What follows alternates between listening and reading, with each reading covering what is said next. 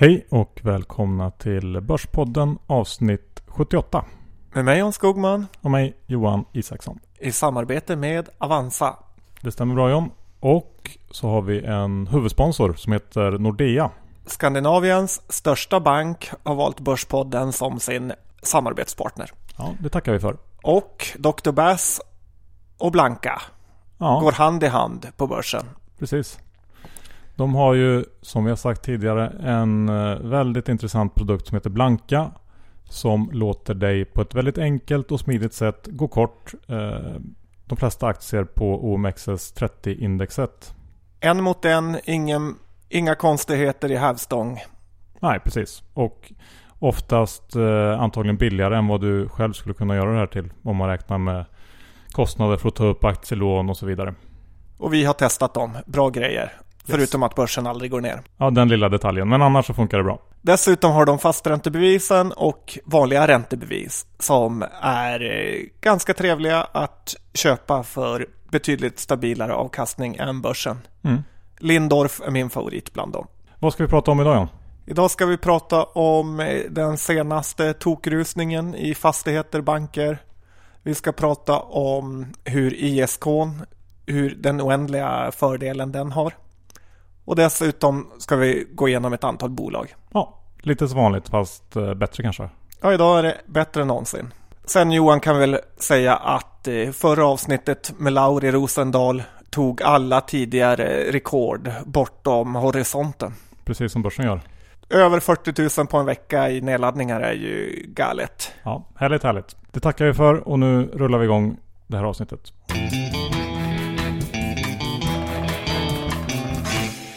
Dr. Bass index eh, 1680. Hur är känslan? Känslan är ju på topp. Det går uppåt hela tiden och uh, min känsla nu är ju att det är all in Europa som gäller. All världens kapitalflöden ska in i Europa och ha exponering mot uh, europeiska bolag och ekonomin här. Och uh, då tänker jag att det är ju på något sätt viktigt att vi börjar leverera här också. Ja, för att bolagen är ju inte direkt eh, billiga, särskilt inte om man tittar på kvalitet. Nej, eh, jag satte mig och försökte hitta bolag som jag ändå tyckte hade hygglig kvalitet och som ändå gick att köpa. Men det går nästan inte att hitta den typen av bolag. För allt som är kvalla, John, är dyrt som satan just nu. Och då tänker du typ Assa?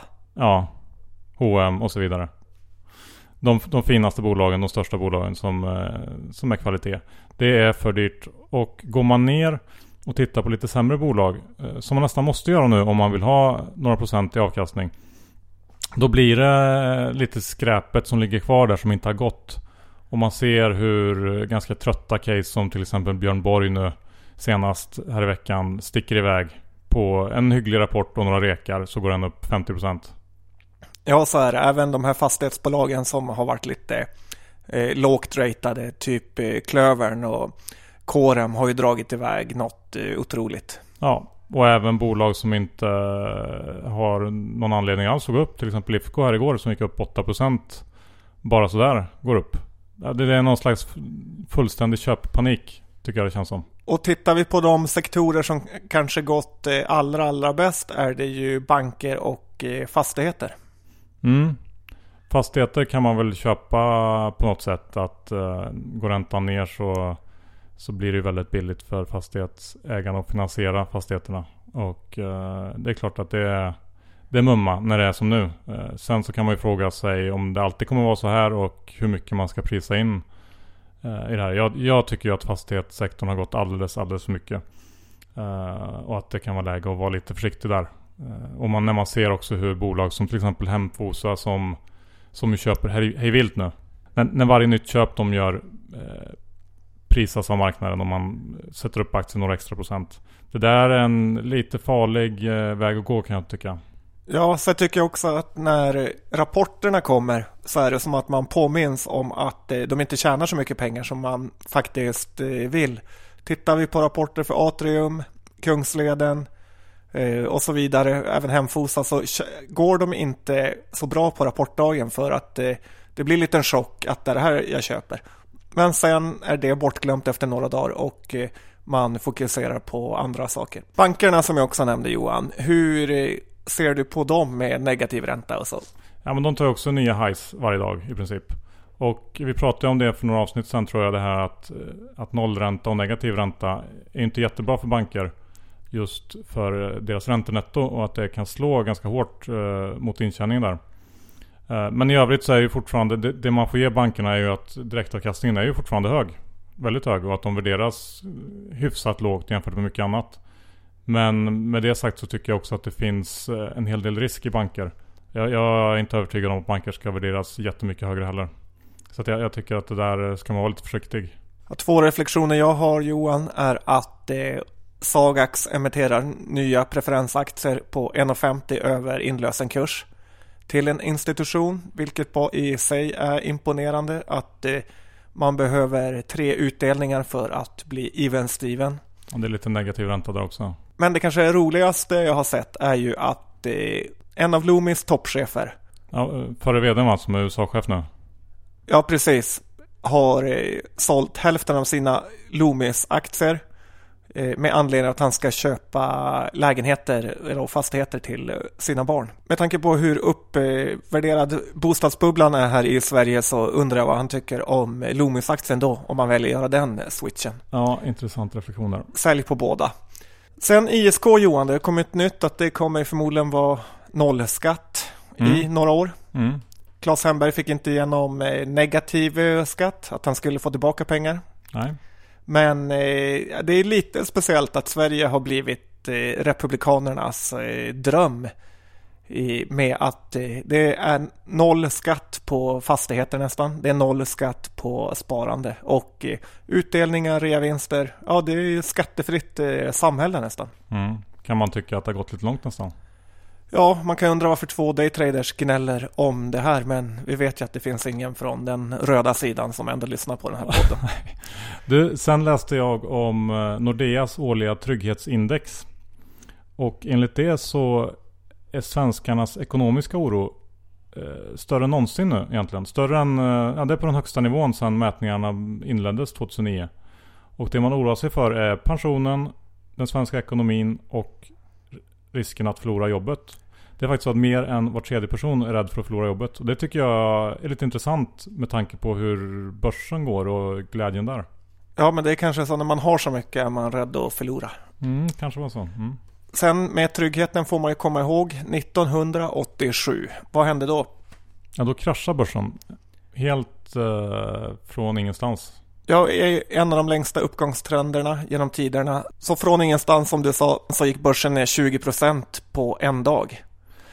Och eh, det här kan ju hända även nu. Det är det som håller mig från att eh, våga vara all in. Att eh, från ingenstans kan det faktiskt eh, komma sådana här megakrascher. Vi såg även 2006 hur börsen gick ner 5% tre dagar i rad. Och eh, så sent eh, som i oktober Johan, när vi var i Hongkong så kraschade börsen nästan 10% med. Så att det kommer ju sådana här nerrekyler när man minst anar det. Mm, så är det absolut ja.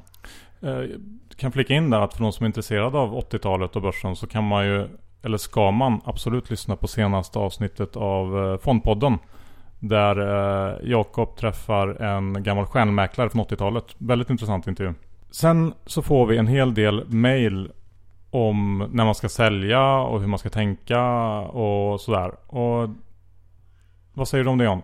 Ja, det är ju fullständigt omöjligt att veta när toppen har kommit eller när man ska sälja eller köpa. Men det gäller att ha en strategi och eh, eh, som vi har sagt nu i snart två år att man kan faktiskt lämna lite smulor på bordet om man har fått rejäla uppgångar i aktier. Till exempel om Björn Borg har gått upp eh, 40 procent på en rapport eller om Boliden har gått från 100 till 160. Det kan vara läge att ta hem även om man kan, faktiskt kanske kan få en eller två kronor mer. Och avslutningsvis i första delen John. Dollarn den bara går upp och går upp och går upp. Vad ska man säga om det här?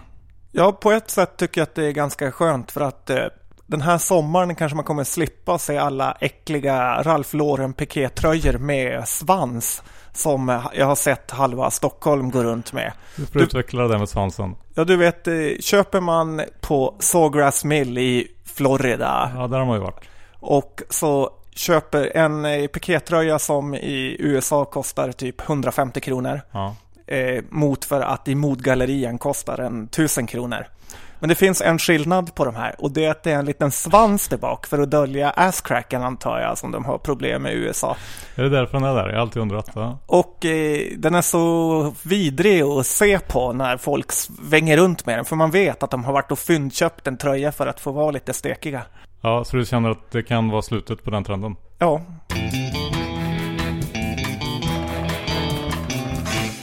Okej John, nu går vi in på bolagen den här veckan. ja, Ska vi vända på det för en gångs skull? Ska du få vara den negativa den här gången, veckan? Ja. Eh, kan inte du ge mig dina topp tre mest övervärderade bolag? Ja, det ska jag göra. Och eh, de, alla bolagen har kommit in med nyintroduktioner här i förra året. Och nummer ett är Recipharm, kontraktstillverkaren av läkemedel som eh, i princip ingen ville teckna. Det var eh, väldigt eh, kinkigt om vilken kurs det var och den var seg i början. Mm. Vad hände sen då? Ja, sen har det här förvandlats till något eh, topppick och eh, de är förvärvsdrivna och det är så väldigt fint. Jag ser inte ett bolag som tjänar kring 4 kronor 2014. Hur det ska värderas till över 160 kronor, det är ju vansinnigt för mig. Jag vet inte om jag är ensam i Sverige, men jag säger sälj och fetingsälj dessutom här. Yes, det skriver vi upp. Eh, nummer två. Absolent. Eh, Där har vi Melker Schörlings bolag som han satt in för 60 kronor på börsen. Eh, Vilket kändes ganska dyrt även då. Ja, jag håller med. Nu står det 160 kronor, vilket är fullständigt eh, absurt. De tjänade 2 kronor 2014, rapporten kom idag. Och eh, hur det här kan handlas i P80 är ju vansinnigt. Gick det att ha star- ännu starkare än starkt sälj så hade jag haft det. Okej, mega stark sälj. Nummer tre. Vad är det som går och går och alltid går upp 5% om dagen? Ja, måste vara något fastighetsbolag. Precis, Hemfosa är det bolaget. Jag förstår inte hur det kan vara så fruktansvärt lätt att öka sitt börsvärde. Man köper en eh, brandstation i Borlänge och man köper ett eh, litet hus i Norge som hyrs av någon vårdcentral. Och eh, på så sätt är man ett av de absolut bästa bolagen. Det finns ju faktiskt risk i att göra de här förvärven som de gör. Ja, Så att aktien, den har dubblats sedan november. Och eh, jag säger tack för kaffet och sälj. ja verkligen. Jag skriver under på allt John. Då fick vi där en fin treklöver med säljråd från John Skogman. Tack för det. Björn Borg Johan kom med sin rapport som vi nämnde i första delen. Du var ju en av eh, de första som på tidigt 2000-tal plockade upp den här aktien och gjorde dig en fortune. Vad säger du om det som har hänt senaste veckan? Nej men det var ju en, jag måste säga att det var en fin rapport och det är kul att eh, se att det kanske börjar vända lite grann för Björn Borg. Som ju haft det tungt i många, många år. Men eh, det finns ju ingen hejd på hur börsen eh, har tagit emot det här. Nu är det väl kanske en serie av lyckliga omständigheter som har gjort att kursen har gått från 24 kanske, där den stod innan rapport, till 35 någonstans. Rapporten var okej, men sen så lyckades någon eh, rota fram det här att de 2017 kommer att sluta betala royalty till Björn Borg. Vilket är ja, runt 20-30 miljoner per år. Beror lite på hur mycket man säljer. Och eh, det gjorde att aktien fick en extra skjuts när man började köra in det caset. Och det känns för mig väldigt att man börjar nu köra den här 2017 grejen. Som varit känd ända sedan eh, de köpte varumärket av Björn Borg. Um, och dessutom så har det kommit någon insiderköp och någon rek. Och det har fått aktien att fullständigt balla ur. Det, det finns ingen riktig um, verklighetsförankring och det går för snabbt. Och det visar bara bristen på ja, bristen på aktier helt enkelt kanske just nu. Så, så från att vara ett ganska intressant case så blev det väldigt, väldigt snabbt uh, fullvärderat och uh, ja, till och med dyrt. För går det från 23 till 34 det är rätt många årsvinster i ett eh, sånt bolag. Ja, eller utdelningar om det nu är det man är ute efter. Sen har vi haft lite eh, bemanningsmania här sista tiden Johan. Ja, det känns ju kanske lite grann som att eh, 2015 är året som bemanningsbolagen äntligen lyckas och ta fart. För vi har ju varit på dem förra året, vilket var ett år för tidigt. Men i år har det verkligen lossnat. Proffi, Steadicare, NGS, eh, Wise kom med väldigt fina rapporter som överraskar marknaden. Mm. SCR var väl den eh, stora besvikelsen. Eh, vet att tidningar som Börsveckan fullkomligt älskar den här aktien. Jag tycker man kan sälja sina SCR och köpa lite NGS eller WISE istället som är betydligt lägre värderade och också fina utdelningar. Gör hemläxan och titta igenom de här bolagen och se om det kan vara något för dig. Sen kommer vi till Cybercom John. Ett bolag som eh, du har lärt dig att leva med men inte tycker om. Nej, jag och styrelseledamoten Dag Sundman har båda tajmat den här något eh, groteskt fel. Vi köpte på oss massa aktier innan det blev nyemission. Dag Sundman tog en plats i styrelsen. Jag grinade och eh, sålde mina aktier.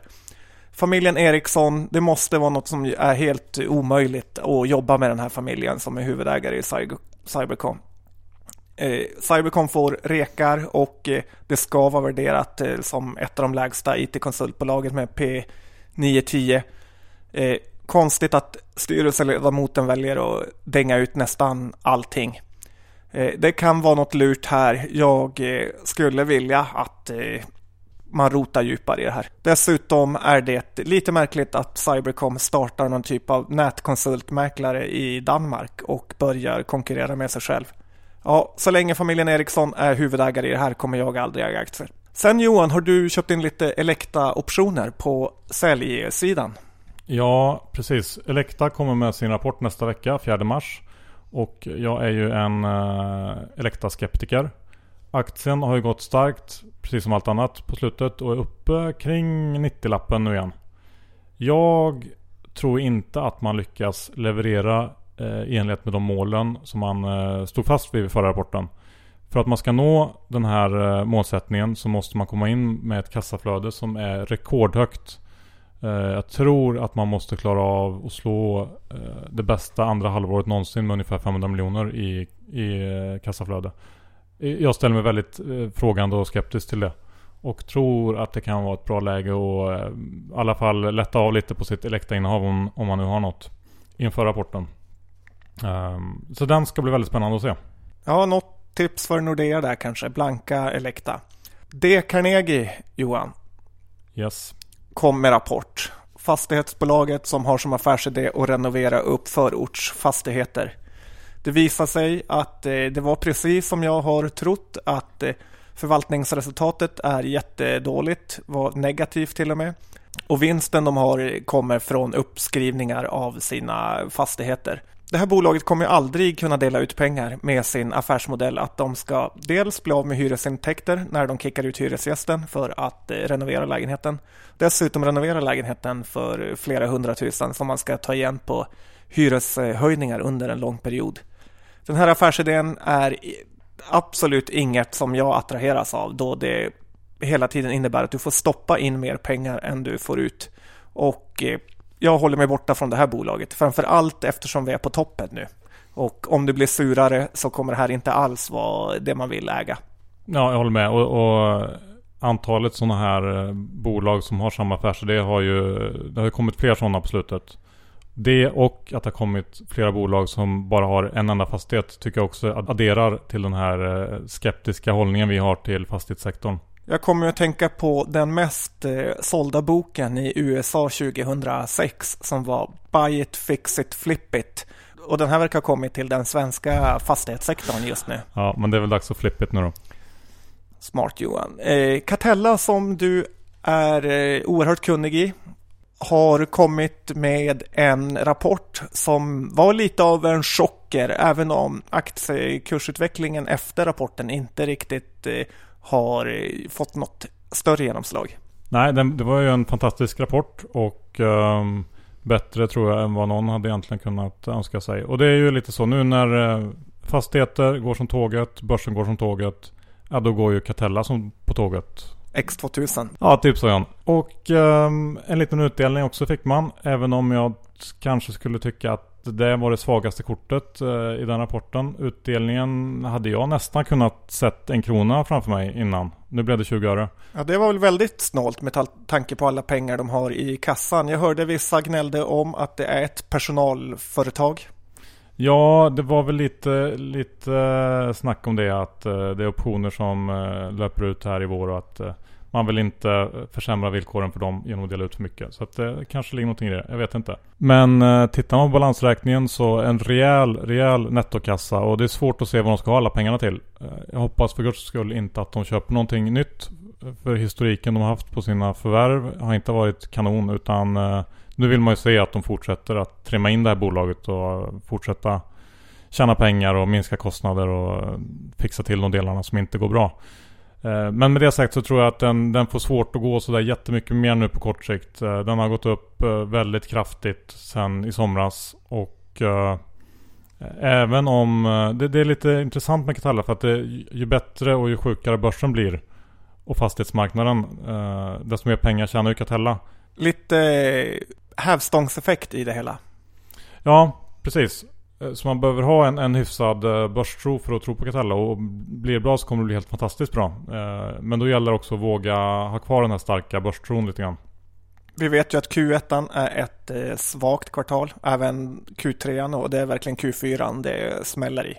Ja, det, det, så brukar det vara. Nu kan nog Q1 bli okej okay i år också med tanke på börsen och den ändå stora delen fondförvaltning som de har. Så Johan, på 15 kronor, vad säger du. Ja, Köp, där, sälj, behåll. Ja, där är det läge att ta hem lite vinst. Ratos fick en eh, monströs order för sitt eh, katastrofköp Aibel.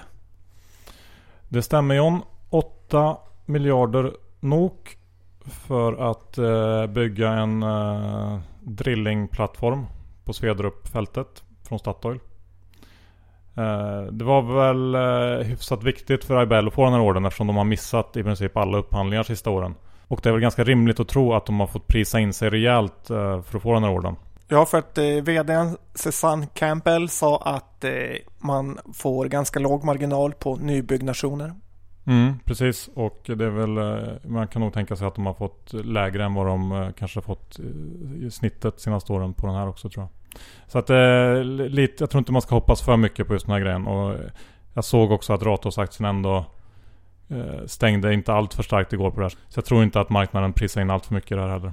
Sen har vi en gammal sponsor Johan som eh, det har hänt lite roliga saker med. Seamless kom med en eh, ganska kul grej idag faktiskt. Ja, eh, lite i skymundan. Eh, de gick ut med att de har tecknat avtal med i princip alla banker. Så att man nu kan koppla sin eh, Secure App direkt till bankkontot.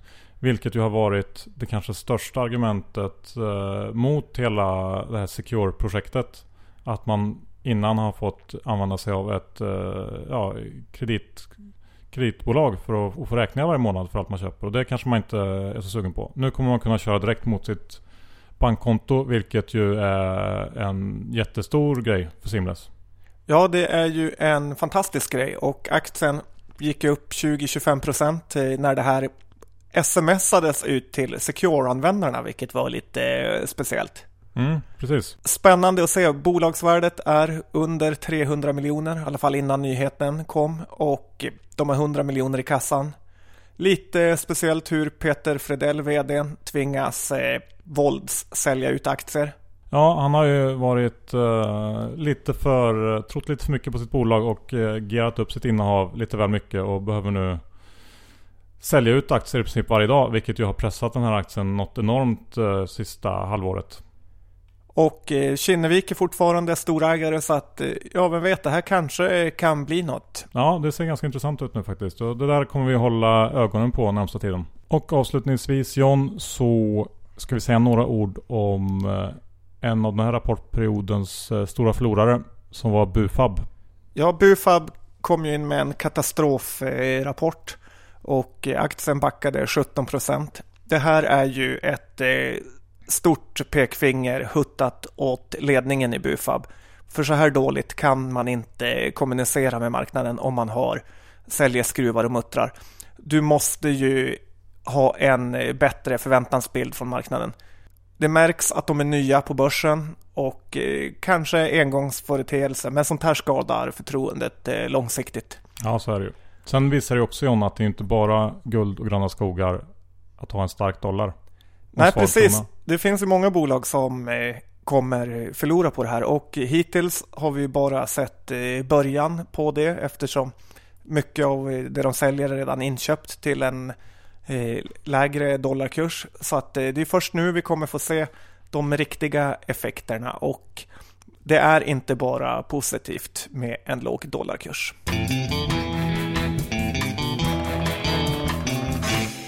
Sådär John Skogman. Avsnitt 78 klart. Tack Avanza. Tack så mycket. Tack Super Nordea för er produkt Blanka och fast räntebevis och även vanliga räntebevis där man kan gotta sig i trygghet på en otrygg marknad. Ja, bra beskrivet John. Så vi har Twitter, Facebook och Gmail. Och så vill vi ju såklart slå ett slag för vår systerpodd Fondpodden. Som blir bättre och bättre för varje vecka. Jakob Bursell, stjärnreporter. Han är eh, riktigt, riktigt duktig. Och eh, den här veckan träffade han en gammal stjärnmäklare från 80-talet. Och pratade om eh, allt möjligt som hände då. Väldigt intressant. Ja, nästa vecka kommer vi presentera en eh, Börspodden-resa som vi kommer göra. Ja. Det kommer vara en helt fantastisk vår vi har att se fram emot. Så alla tips om den resan mottages när vi presenterar den. Häng ja. med så syns vi om en vecka. Yes. Tack för att du lyssnade. Hej då. Hej.